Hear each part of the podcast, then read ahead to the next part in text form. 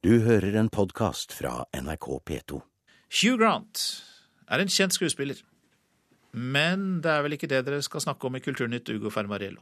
Nei, fordi eh, ikke bare kjenner vi ham fra fire bryllup i en gravferd, men nå kjemper han for pressens ofre. Han opplevde jo selv å bli ulovlig avlyttet av journalister, og dette har ført til den store debatten i Storbritannia. Åtte av ti briter ønsker seg et lovregulert og uavhengig kontrollorgan for pressen. Debatten går høyt i Storbritannia etter de presseetiske overtrampene og ulovlighetene som er avslørt i kjølvannet av News of the World-skandalen. Allerede i går fikk statsminister David Cameron rapporten fra den rettslige høringen etter telefonavlyttingsskandalen. I formiddag blir den kjent for publikum. This is the most humble day of my With the biggest press scandal in modern times getting worse by the day, Murder victims, terrorist victims who've had their phones hacked is quite disgraceful. Skandalen rystet hele Storbritannia med full styrke i fjor sommer. Statsministeren var sjokkert, opposisjonslederen sint, og mediemogul Murdoch var ydmyk. Avsløringene begynte med ulovlig telefonavlytting i News of the World, fortsatte med korrupte journalister og offentlige tjenestemenn i flere etater og aviser, og ender i dag med et forslag til endringer i hvordan britisk presse reguleres.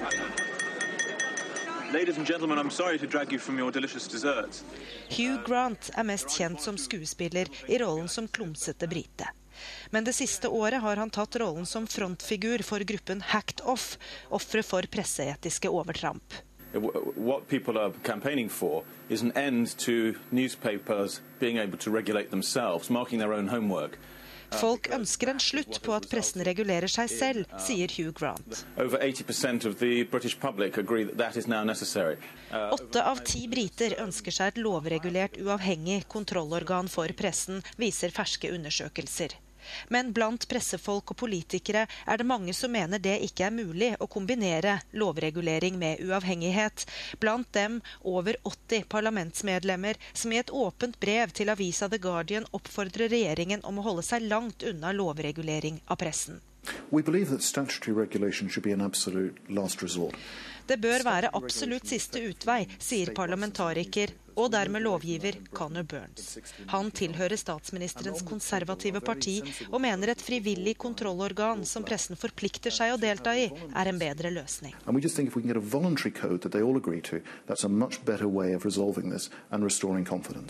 Det mener Hugh Grant og hans gruppe Hacked Off er risikabelt. Han mener det må være bestemt ved lov at aviser og mediehus må underlegge seg et kontrollorgan. Ellers blir det som det alltid har vært, et pressens faglige utvalg der pressen er boken som passer havresekken.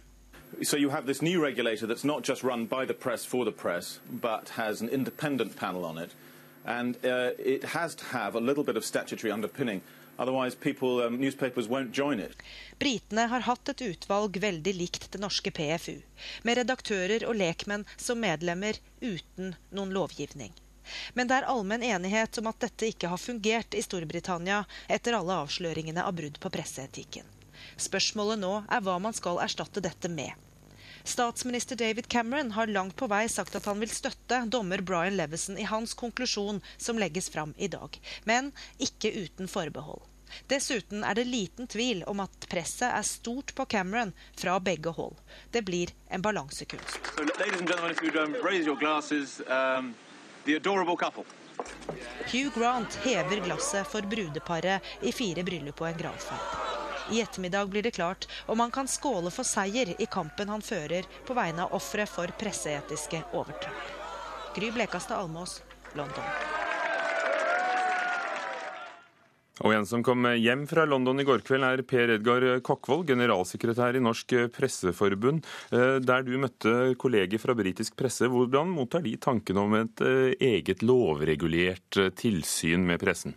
Nei, De er som eh, så å si alle pressefolk i Storbritannia redd for eh, det som skal skje. Eh, En skjør Demokratiet er en skjør plante. En fri presse er en viktig del av, av dette systemet. Og på, de reagerer på samme måte som de politikerne som offentliggjorde et brev i går. Ikke rør vår frie presse. De viser til at pressen har vært fri i Storbritannia siden 1695, da denne statlige reguleringen ble, ble avskaffet. Men det som skjer nå, er jo i virkeligheten et godt eksempel på hva som hender når, når tilliten til pressen blir lavere enn tilliten til dem pressen er satt til å overvåke. Ja, Hva får, hender da, tenker du? Da får man en allianse mellom politikere og publikum. Fordi du kalte demokratiet unnskyld at jeg avbryter, men du kalte demokratiet altså en skjør plante. Men en, noe av britisk presse oppviser jo noe av den beste journalistikken, og noe av det verste. Noe av den britiske pressen har jo vært uh, villskudd og ugress. Ja da, det er ingen tvil om det. Det som, uh, det som skjedde rundt først og fremst News of the World, er jo, uh, er jo ikke bare gigantiske presseetiske overtramp. Det er kriminelle handlinger, det er korrupsjon avlytting som, eh, som kan føre til fengsel i, i to år. Eh, men det har man rettssalene til å gjøre. Og det mange er redd for nå, både pressefolk og politikere, er jo at man kan skape et uh, nytt, stort nytt marked for, for jurister. Dette begynte jo som et presseetisk spørsmål. Senere er det blitt mer og mer politikk. Cameron, som nedsatte Levison-kommisjonen, for å få oppmerksomheten bort fra sine egne nære forbindelser med, med de ansvarlige redaktørene. Politikerne som nå endelig ser en mulighet for å få kontroll med pressen. Hun er søt. Men så er det også sånn eh, Per Edgar Kokkvold, at, eh, at, det er jo noen politikere og, og, skuespillere og pressgrupper som den Hugh Grant eh, står for, som mener at det må strengere lover til. Hvordan mener de at et nytt kontrollorgan vil kunne forhindre det som har skjedd? For som du sier, det var jo ulovlig uansett? Ja, det var ulovlig. Og jeg skjønner heller ikke hvor Altså, Om man har hatt et statlig kontrollorgan, ville jo ikke kunne ha avslørt Eh, hva som skjedde i News of the World. Det klarte ikke engang politiet å avsløre. Eh, de måtte legge, eh, legge etterforskningen til side, og det var faktisk en avis, The Guardian, som ikke ga seg, og som til slutt avslørte disse ganske groteske handlingene som News of the World, som for øvrig er nedlagt. Den mest populære avisen i Storbritannia ble nedlagt som en følge av dette. Takk skal du ha. Per Edgar Kokkvold, generalsekretær i Norsk Presseforbund, eh, akkurat hjemvendt fra møte med britiske kolleger i London. Senere i dag blir det klart hva Levesen-rapporten anbefaler politikerne å gjøre, og det snakker vi om i Kulturnytt i ettermiddag klokken 16.30.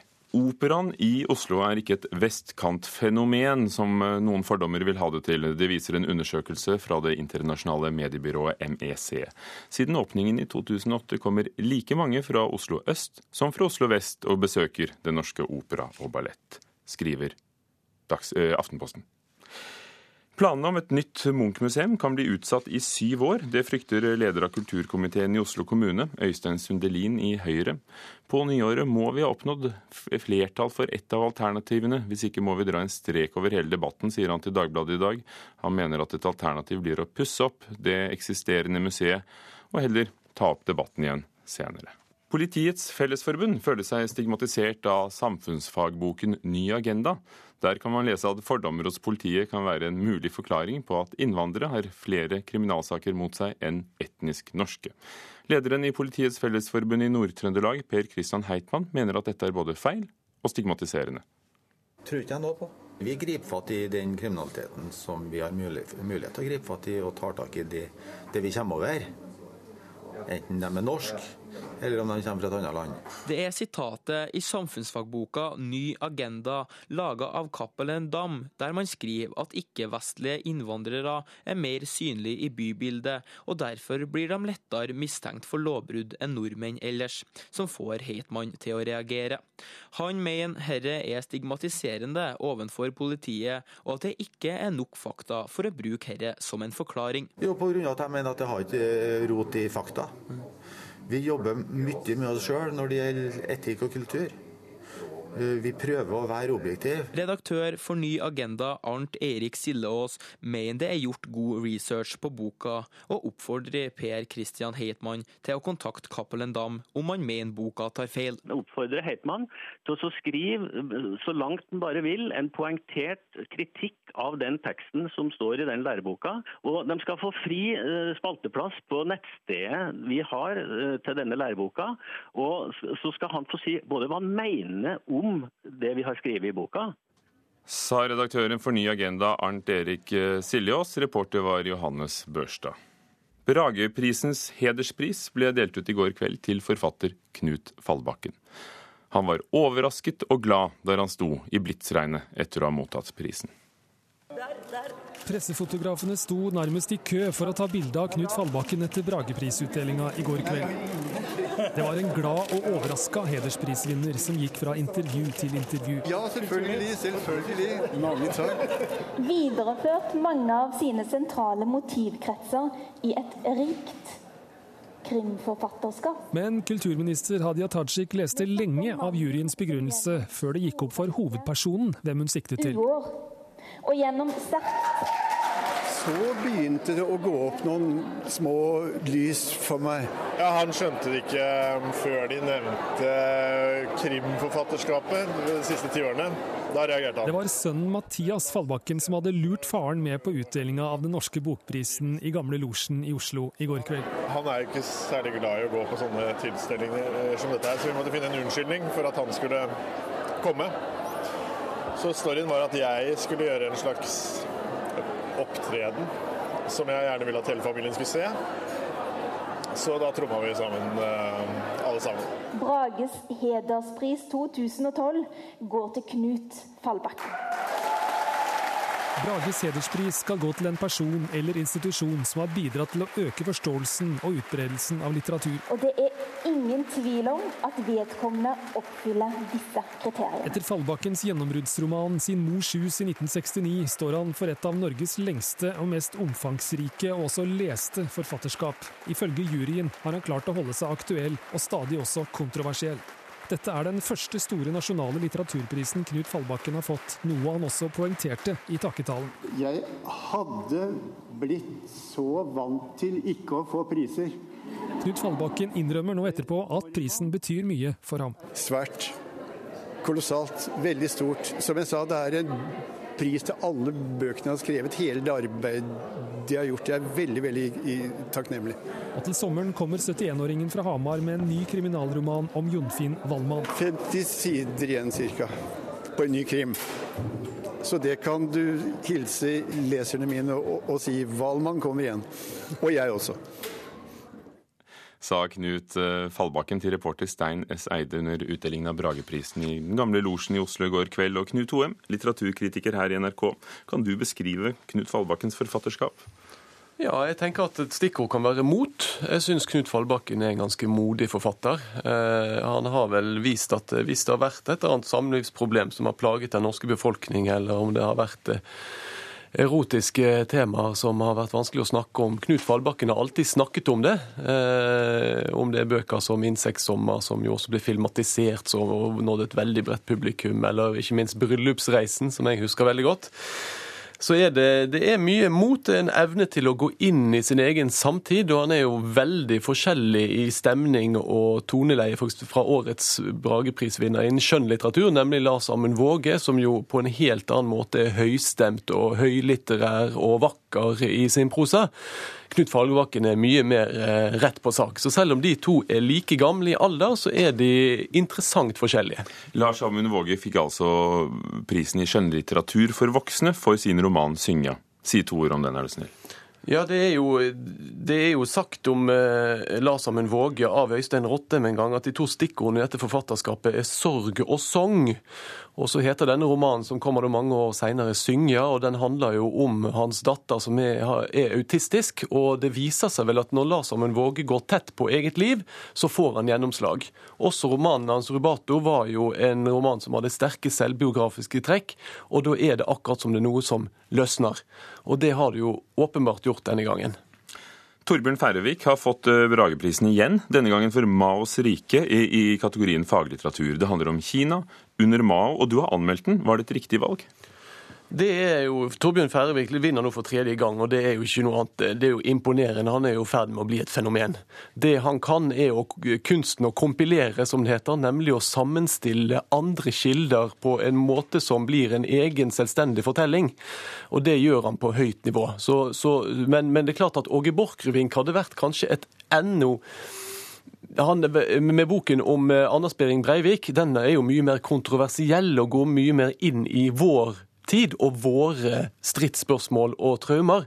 Så, så eh, det er klart at i, i det, lys av det så var Færøyvik et litt tryggere valg. Hva slår deg når du ser på Brageprisen i år? Det som slår meg, det er at kvinnen, de, de under 60 og kvinnene er plassert i kategorien ungdoms- og barnelitteratur med veldig spennende bøker. Jakob og Neikop eh, i, i barnekategorien. Og Akaristai. Og også den mest kontroversielle boken her er kanskje den som er skrevet av Linn T. Sunde, som handler om en 14-åring som blir sammen med en voksen mann. Men eh, til neste år så håper jeg på mer kvinner og flere Eh, litt yngre eh, forfattere også i de tradisjonelt eh, tunge kategoriene. Knut Hoem, litteraturkritiker, takk. Du har hørt en podkast fra NRK P2.